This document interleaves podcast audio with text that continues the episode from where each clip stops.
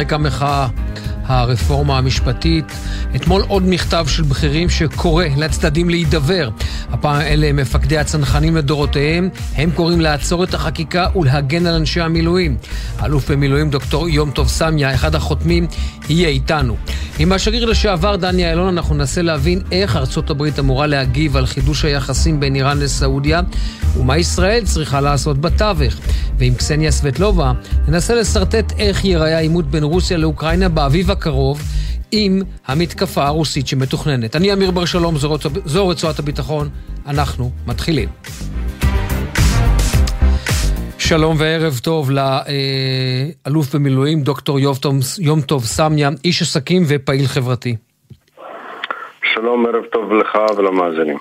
אז אתם קוראים במכתב שלכם עצירת חקיקה מיידית והתערבות מיידית לטובת מערך המילואים, ומה שמרשים במכתב שלכם, אה, אלוף אה, במילואים סמיה, זה שהוא ממש כל הקשת הפוליטית. אנחנו מדברים משאול אריאלי ועד, לצורך העניין, האלוף ג'רי גרשון. ראשית, אני חייב לציין שכרגע ברעיון אני מדבר אך ורק בשם עצמי. מה שרצינו להגיד כקבוצה, כתבנו במכתב ודי עברנו עליו כולם והסכמנו למלל המשותף הזה. לכן חשוב לסייג שהרעיון הזה הוא בשמי בלבד. אה, כן, אני חושב שהמכתב מדבר בעד עצמו, לא צריך לפרש אותו ולהסביר אותו יותר מדי. והוא מביע אה, בגדול דאגה גדולה של אזרחים מודאגים שמאוד אכפת להם נכון שתוקפים אותנו מי אנחנו ומי הדרגות שלנו וכן הלאה, אבל אני עובר את זה, אני מזיז את זה הצידה. אה, יש לנו כרטיס עבודה מלא בעשייה ואני אה, מכבד כל כרטיס עבודה של כל אדם בישראל שתורם בכל תחום שהוא וקורא לכל הסקטורים להביע דעה. אין בעיה, הבעת הדעה בקבוצות איננה נחלתם של צנחנים, טייסים, גבעתי או הייטקיסטים, היא של כולנו ללא יוצא מן הכלל. כן, אבל דוקטור אה, סמי, אתם, אתם כותבים שם במפורש... יום טוב, עזוב. יום טוב, אתם כותבים שם, אתה צודק. אבל יום טוב, אתם כותבים שם במפורש, לעצור מיד את ה... את החקיקה ולהידבר מיד עם אנשי, ה... מיד עם אנשי המילואים. אתה יודע, אה, לא הרבה מכתבים כתבו את זה, ואתם מדברים פה על, לצורך העניין, אתם מדברים פה על, אה, הייתי אומר, קשת מאוד מגוונת של אנשים ודעות.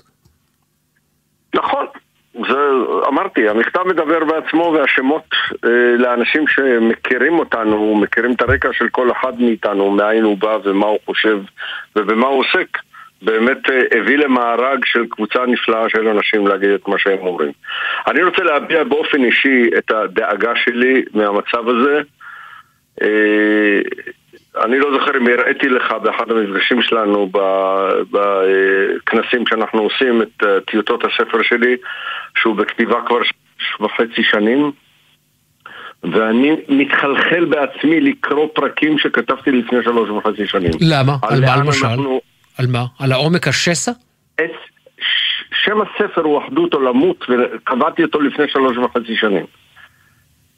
ו- ואני קובע בו כבר אז שאם לא נתאחד סביב המדינה היהודית והדמוקרטית הזאת, שהם כמו שתי מסילות ברזל מקבילות, מדינה יהודית ודמוקרטית, אף לא אחת מהן יכולה להתקיים ללא השנייה, וכל התעקמות של אחת מהן תעיף את הרכבת לתהום.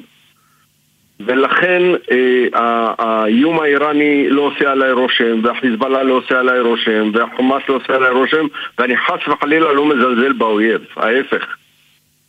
אני סומך על שר הביטחון, סומך על צה"ל, סומך על כל מי שעומד במערכות הביטחון, שידע לטפל היטב באיום מבחוץ. אני לא סומך כרגע על אף אחד, אף לא אחד או אחת, שיודעים לטפל באיום הזה מבפנים. כי אנחנו בתוך כדור שלג, שכל שנייה יכול להפק, להפך לכדור אש נוראי. אני רוצה להתוודות בפניך, אמיר. בבקשה. ואני אומר את זה בכאב וצער, כמעט עם דמעות. בשבוע שעבר כשהיה הפיגוע בדיזינגוף, אני התפללתי בתוך עצמי שזה לא ירי של יהודים על יהודים. אמרתי, הלוואי שזה רק מחבל. נדע להסתדר עם זה. תראה לאן הגענו. תראה לאן הגענו, שיש פיגוע ואני מתפלל שזה לא יהודים ביהודים כי זה היה יכול להיות הכדור הראשון של מלחמת האזרחים הזאת. ואם חס וחלילה יישפך כאן דם ברחובות, יהיה פה טירוף. יהיה פה טירוף. עכשיו, אני רוצה להגיד עוד משהו מאוד חשוב. אני חושב שכל הסיפור של, ה, של הרפורמה המשפטית הוא, הוא רימון עשן, הוא הסחה למה שכבר קורה באמת בתוכנו. השסעים והפערים הם, הם איומים כבר. אני מקבל פידבקים על פוסטים או על דברים מאוד תמימים בקללות ובדברי נאצה מטורפים, כאילו אני, כאילו אין לי שום חלק במדינה הזאת. ודווקא בגלל לא... הקריאה המאוד כנה הזו שלך, ובאמת היא כנה. רגע, ואני רוצה להשלים, אני רוצה להביא רגע עוד משפט. באמירה של, של, של הרפורמה היא רק הסחה, כי יש דברים שכבר קורים בשטח. עצם הכפפת המינהל האזרחי לשר האוצר, ולתת לו אישור למינוי אלוף ותת-אלוף בצה"ל, זו דריסת רגל שאסור להתעסק, להביא אותה. את זה, את זה כבר, העובדה ש, זה כבר נעצר. שנער הגבעות הזה, שמכנה את עצמו השר לביטחון פנים, רוצה להקים ז'נדרמריה. חבר'ה, אתם זוכרים את השם הזה, ז'נדרמריה? שדופקים בדלתות ברוסיה ומוציאים אנשים... אבל אני חייב לשאול אותך, לא, יום טוב, אני חייב, אני חייב, אני רוצה להחזיר אותך... רק רגע, לא, אני רוצה רגע להחזיר אותך למקום אחר. אתה איש צבא. ואתה איש צבא עם אני באמת... אני כבר 22 שנים אזרח. לא משנה, אתה איש, אתה איש צבא. Okay. אוקיי. אתה איש צבא, אתה איש צבא עם, עם, עם, עם מצפן מאוד מאוד ברור, גם, מבחינת, גם מבחינה חברתית, ש, אה, אה, מהרקע שאתה הגעת ממנו. אני זוכר משפט שלך שאמר תמיד, אני זוכר את המשפט הזה מהדהד, כשאחרים שכבו אני עמדתי, כשאחרים הלכו אני רצתי. עכשיו אני שואל אותך, צה"ל, במצב הנוכחי, הוא עדיין יכול להיות כור ההיתוך שיאחה את הקרעים האלה? אתה יודע שאני לא אוהב את המילה כור היתוך, צה"ל הוא חממת, חממת הצמיחה של החברה הישראלית. כן, זה המקום היחיד שעוד נותר. ולכן בחרדת קודש, כאיש צבא אני מדבר, לשעבר, ואני אה, אה, לא, עדיין בשום אופן לא בעד סירוב לשרת במילואים. אני אומר לרמטכ"ל עכשיו ולשר הביטחון, אתם רוצים שמחר אני אתגייס כחייל בעמדה מול אה, הצבא הסורי ברמת הגולן ומחיזבאללה כחייל, לא צריך שיהיה אלוף. אני מוכן מחר להתנדב למילואים. ברוך השם עוד לא הגענו למצב של לסרב לשרת במילואים. ואני לא, אני אישית לא מעודד mm-hmm. סרבנות לשירות במילואים. רק אני אומר, לקרוא למילואימניקים, טייסים, חיילים בגולני, גבעתי, נחל צנחנים, שריון, לא משנה איפה, לקרוא להם אנרכיסטים, לקרוא להם זבל, לקרוא להם פרזיטים, איפה המנהיגות של המדינה הזאת שתעצור את זה, ריבונו של עולם? איפה אתה? איפה אתה בנימין נתניהו? איפה אתה לא. לעזאזל? באיזה... יום טוב, יום טוב, לא, לא, לא, הקריאה שלך, לא, אבל התוכנית הזאת היא לא תוכנית פוליטית, אנחנו, רציתי לדבר איתך בדיוק על הכלים... אני מדבר על מנהיג המדינה. נכון, אבל אני לא רוצה להיכנס עכשיו, אתה לוקח אותנו למישור הפוליטי ולשם... תשמור על הצבא, תשמור על הצבא כן. מחדירה של גורמים פוליטיים. הנתינה של מינהל אזרחי שזה דרך אגב בניגוד לפקודות החוק הבינלאומי של, של שטח, שטח, לא משנה איך קראו לזה היום, השטחים המוחזקים, השטחים הכבושים, יש כללים וסדר בעניין הזה. ושר פוליטי של אינו שר ביטחון לא יכול לשלוט בזה. אנחנו חייבים... שר לביטחון פנים לא יכול להקים ז'נדרמריה שתהיה כפופה רק אליו שלא דרך המפכ"ל. אנחנו חייבים לעצור כאן. אנחנו לוקחים את כוחות הביטחון שלנו ומערבבים אותם ומלכלכים אותם ומזהמים אותם בפוליטיקה מסריחה. האלוף במילואים, דוקטור יום טוב סמי, אנחנו פשוט חייבים לעצור כאן. תודה. Uh, תודה רבה לך על הדברים הכנים האלה, באמת. שלום. תודה.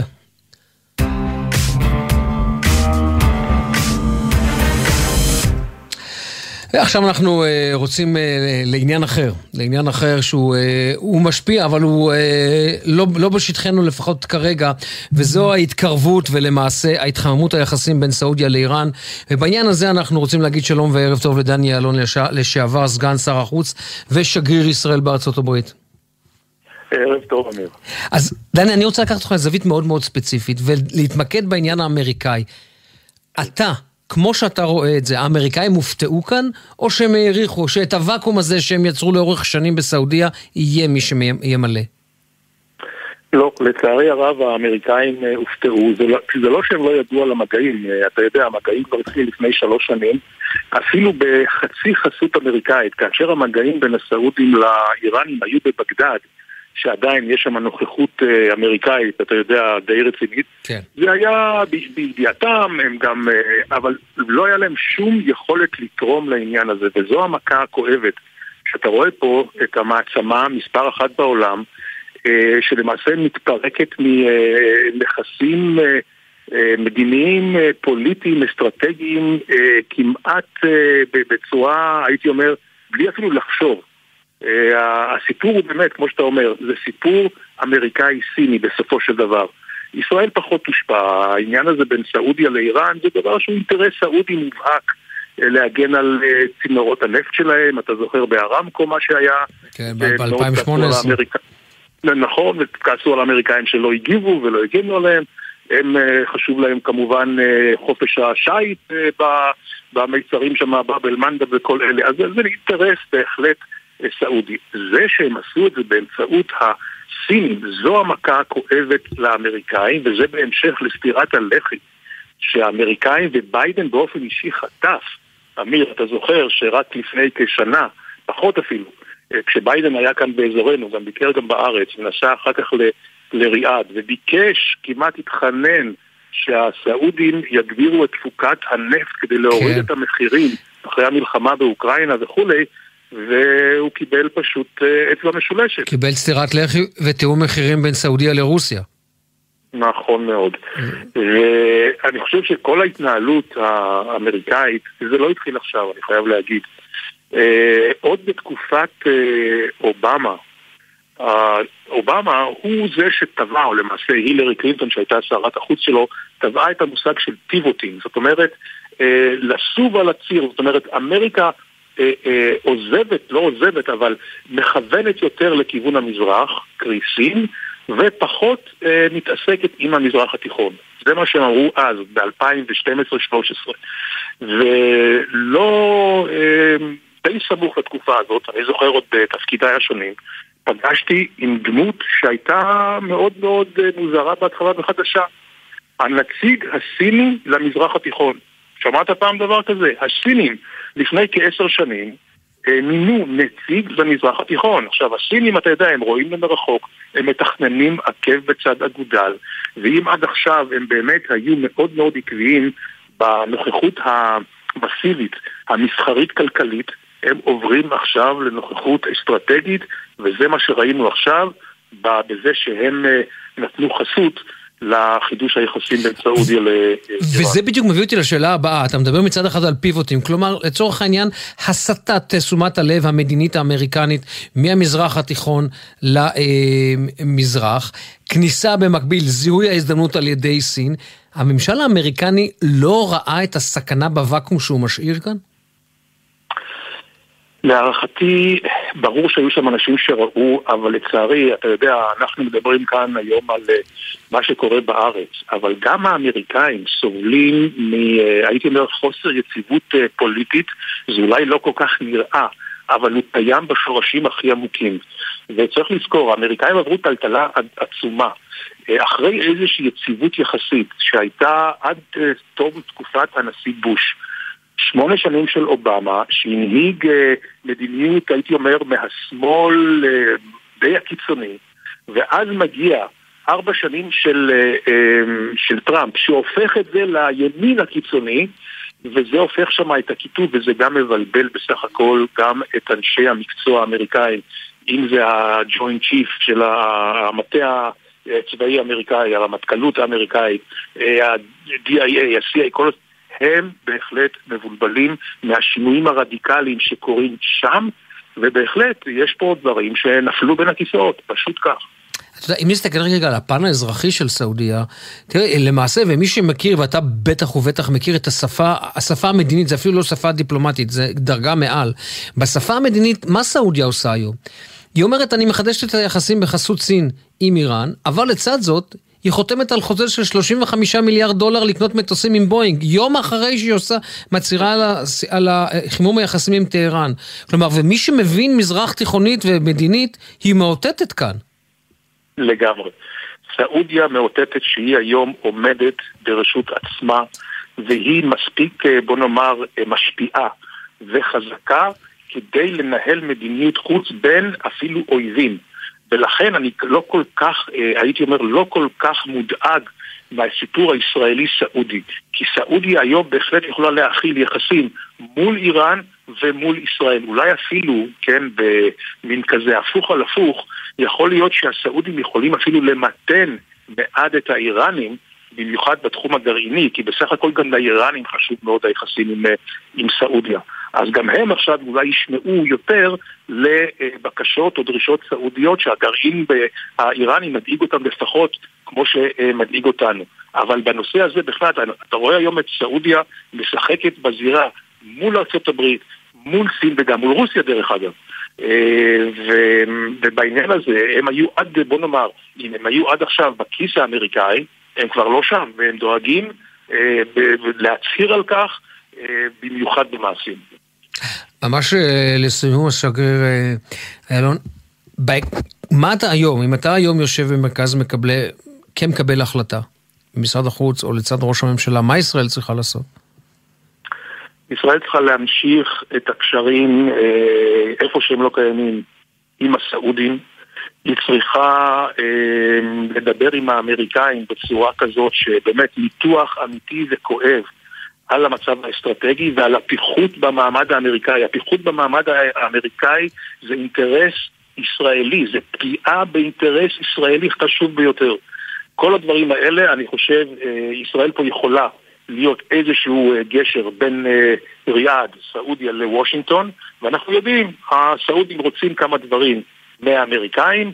אני חושב שהאמריקאים צריכים יותר לנהל היום ריאל פוליטיק מאשר איזה מין אה, מדיניות אה, אה, גבוהה גבוהה מוצרית, שהיום לצערי אף אחד לא מעריך, ולצערי היום זה גם לא מחזק אינטרסים ויציבות אזורית. שגריר לשעבר, דני אילון, לשעבר סגן שר החוץ, תודה רבה דני, ערב טוב. ערב טוב אמיר.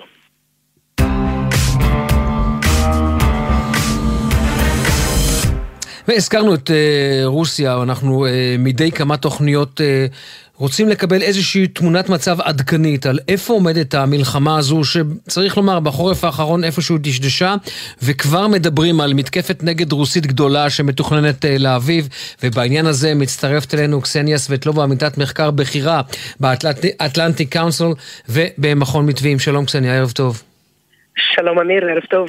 אז אם הייתי צריך לצורך העניין לתת כרגע תמונת מצב שהיא עדכנית לכרגע, איפה היית שמה לצורך העניין את יחסי הכוחות בין אה, רוסיה לאוקראינה? אנחנו יודעים שהם מתכתשים קשה מאוד על העיירה בשם בחמוד שיושבת על צומת אה, צירים, הכל לקראת המערכה הגדולה של האביב? כן, בהחלט אה, בחמות אה, היא באמת צומת קריטית והיא הייתה כזאת במשך חודשים רבים. הרוסים שפכו שם אין ספור חיילים שנותרו בשדה הקרב.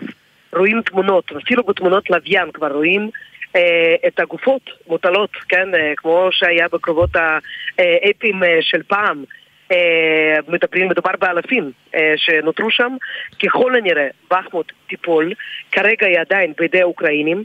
אה, מפקד הכוחות היבשתיים האוקראינים מבקר לפני שתי יממות, הוא מבקר בחזית, והוא אומר באופן חד משמעי, אנחנו נגן, נמשיך להגן על בחמוט, לא בכל מחיר, לא במחיר שאנחנו נצטרך להרוג שם ולהקריב את מיטב חיילינו. וכל צד מצחצח חרבות, אמיר. כל צד מתכונן למתקפת נגד בעצם. אה, גם הרוסים אה, רוצים להחזיר את כבודם האבוד, אבל גם האוקראינים מדברים, וזה בעצם כן אה, מפי מפקד של כוחות היבשתיים שמבקר בבחמוט, אנחנו מתכוננים למתקפת נגד גם, רוצים להחזיר את שטחנו. 20% של אוקראינה עדיין נמצאים בשליטה רוסית. היום, לצורך העניין, כשאת מביטה על יחסי הכוחות, ואנחנו יודעים שאוקראינה נמצאת, הייתי אומר, במרוץ חימוש קדחתני, ומקבלת הרבה מאוד אה, נשק מן המערב, לצורך העניין, הפער, הפער האיכותי והפער הצבאי בין אה, רוסיה לאוקראינה נסגר בחודשים האחרונים לקראת האביב?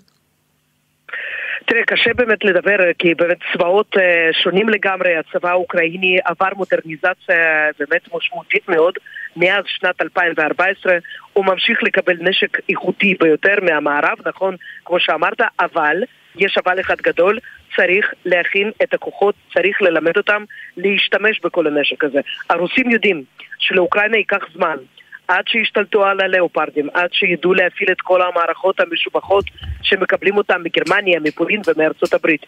רוסיה אה, מנסה בכוחות עצמה, זה לא קל, כי אין לה את שיתוף הפעולה אה, של המערב יותר, מנסה למלא את המלאים שהתדלדלו אה, במהלך אה, חודשי המלחמה הארוכים. אה, לא את הכל אפשר לייצר ברוסיה, את רוב הדברים בעצם, כן, אנחנו מבינים, אי אפשר להשיג וחסר חלקים בטכנולוגיות מערביות. זה כוחם של הסנקציות דרך אגב, כן? אבל חיילים לא חסר. אפשר להזרים חיילים, ובאמת יש אינדיקציות לכך שביחידות רבות החיילים הרוסיים מתלוננים שפשוט שופכים אותם כליטרה של בשר. אה, כן, שופכים אותם אה, אה, על מנת לכבוש כל מיני גבעות עלומות, שזה לא משהו שבאמת יתרום לאיזשהו ניצחון, אבל זה כנראה משהו שנמשך זאת אה, מסורת רוסית עתיקה, לשפוך את הכוחות האלה, לא אה, לחוס על החייל הבודד, אה, והדבר הזה בעצם נמשך. אז הצבא הרוסי לוקח בעצם בעוצמה, בגודל שלו, במלאים של הנשק אולי יותר עתיק, אבל יש את המלאים האלה עדיין. ואוקראינה מתכוננת, גם מתכוננת ונערכת, ובעיקר מנסה באופן קדחתני ביותר ללמד את החיילים שלה להשתמש באותו נשק שמעבירים אליה מהמערב. את יודעת, אני שואל את השאלה הזו בכל פעם שאנחנו מדברים, בתקווה אולי, את יודעת, לשמוע משהו חדש, וזה האופוזיציה לפוטין. אז אם במהלך החודשים הראשונים של הלחימה היו ניצנים כאלה ואחרים, היום את יכולה לומר שפוטין על החזית הפנימית הזו הצליח להשתלט? טוב, אה, היו אה, במשך השנה אה, כל מיני אישים שהביעו ביקורת לא על פוטין עצמו, אמנם, אבל כן על אנשים שמאוד קרובים אליו. על אנשי צבא בכירים, על שר ההגנה שויגו, אה, האנשים האלה, לרבות אה, יבגני פריגוז'ן, הבעלים אה, של מיליציה הפרטית וגנר, שלה תרומה משמעותית מאוד כמובן לכל מעשי הרצח וההתעללות של הכוחות הרוסיים באוקראינה ובאוקראינים, הוא יוצא בהצהרה לפני מספר ימים ואומר שהוא יתמודד בבחירות של 2024 בבחירות לנשיאות מול ולדימיר פוטין. אה, פה, אה, אה, לרגע, אתה יודע, כאילו כן, אפשר פה להתבלבל ולחשוב, וואו, אולי באמת האיש הזה שהתפרסם ודיברו עליו כל כך הרבה, באמת לקח נתח מאוד... האיש שהתחיל בתור הטבח שלו, נכון? אם אני לא טועה. כן, היה טבח שלו, ואחרי זה הפך למולטי מיליארדר. והשתלט שם על הרבה מאוד מפעלים כאלה ואחרים. וגייס אה, את הלוחמים של וגנר לא בסתם איזשהו מקום, גייס אותם בתוך בתי הסוהר של רוסיה. אה, אז אולי באמת הוא יתעצם כל כך שהוא יכול להתחרות מול ולדימיר פוטין. זה מצג שווא בעצם, כן? מדובר פה בניסיון לייצר כותרת, אה, אבל קשה לומר שבאמת... רגע, לייצר כותרת שפוטין עצמו, פוטין עצמו הזמין, או שזה הוא מרגיש כל כך חזק כדי שיכול לעמוד מול פוטין? כי הרי מבחינתו זה יכול להיות גזר דין מוות. כן, אבל uh, אתה יודע, כן, רק איש uh, שבאמת לא מסכן אף אחד יכול להמשיך לפעול בתוך המערכת הזאת כאשר הוא מתגאה בזה שהוא עומד להתמודד מולו בבחירות 2024. רק אישים שלא באמת מאיימים. uh, הם יכולים להמשיך ולהתקיים וליהנות uh, מחסדים כאלה ואחרים, אבל בעצם, בעצם השלטון עדיין נותר בידיים של אותו האיש, אותו הנשיא שהוא ממלא את תפקידו. אה, ונמצא על כס השלטון כבר משנת 2000, ולדימיר פוטין. ממש לסיום, קסניה, את יודעת, אנחנו אי אפשר להתעלם מהאירועים האחרונים, התקרבות בין סעודיה לאיראן או התחממות היחסים. כן. היחסים המתהדקים מאוד בין איראן אה, לרוסיה, כניסה של סין לתמונה, היחסים קרובים יחסית בין סין לרוסיה, מבחינת פוטין זו בשורה די טובה, נכון? לציר חדש שמתהווה מול ארצות הברית ונאט"ו. זה חדשות מצוינות בשבילו, והוא ממהר ומברך את כל הצדדים, את השושבינה הסינית, את שני הצדדים, איראן ורוס... וסעודיה, שעם שתיהן הוא מנהל יחסים, מערכת יחסים קרובה כן. יחסית, והוא גם מקווה שאולי מהבוננזה הזאת אה, של הציר החדש, אולי גם אה, הוא יקבל משהו. קסניה, את שומעת את המוזיקה, היינו יכולים להמשיך לדבר ואנחנו מדברים, כמו שאת רואה מדי פעם. תודה אבל בכל מקרה על הערב הזה שהצטרפת אלינו. זהו, אנחנו כאן uh, מסיימים. Uh, המפיקה הראשית היא תמנת צורוי, הפיקו נועה נווה ואליעזר ינקלוביץ', טכנית השידור אלה מוטולה, בפיקוח הטכני מיכאל אבו, אני אמיר בר שלום, שיהיה המשך ערב נעים.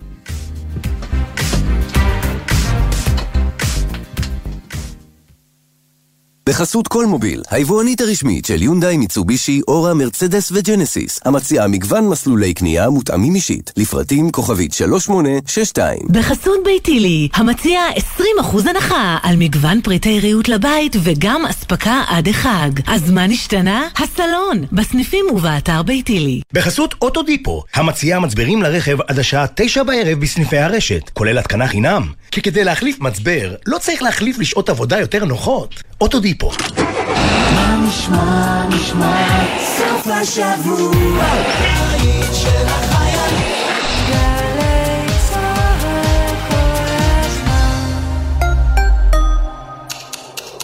ארגון המורים הוא הבית של מורי החינוך העל-יסודי.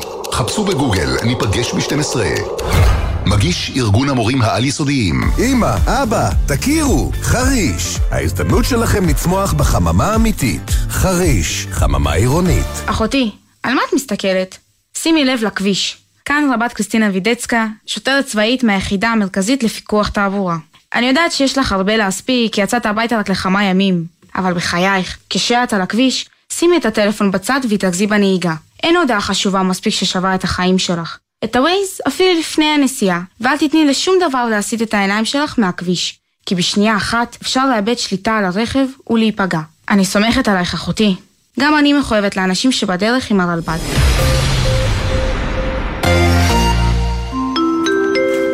עולים יקרים, לציון 30 שנה לתוכנית נעל"ה, יש להימתח להקשב. 2, 3 הקשב, מגזין החיילים של גלי צה"ל בתוכנית מיוחדת עם חיילים וחיילות, בוגרי התוכנית נוער עולה לפני הורים. שידור ישיר מכפר הנוער מוסינזון בהוד השרון. תגידו עם שידור כזה... בהשתתפות אברהם טל, הערב בתשע, גלי צה"ל. זאת השנה שלנו! עכשיו בגלי צה"ל, המהדורה המרכזית של חדשות ערוץ 12.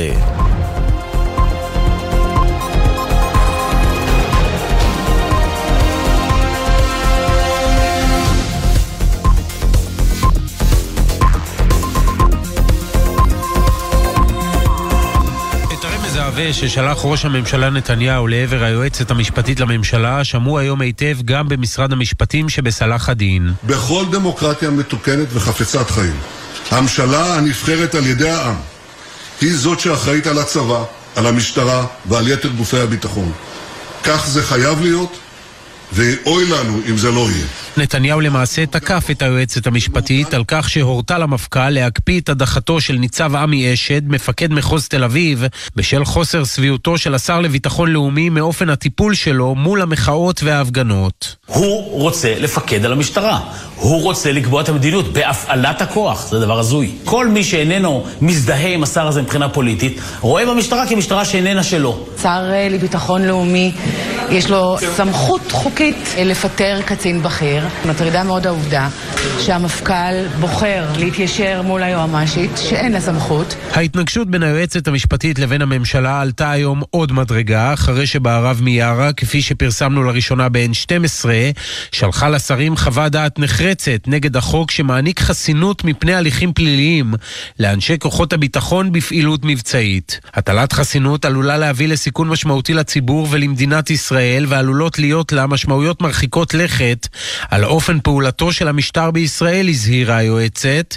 ההצעה מייצרת אף סיכון לאנשי כוחות הביטחון עצמם, שיהיו חשופים לחקירה ולהעמדה לדין פלילי בחו"ל.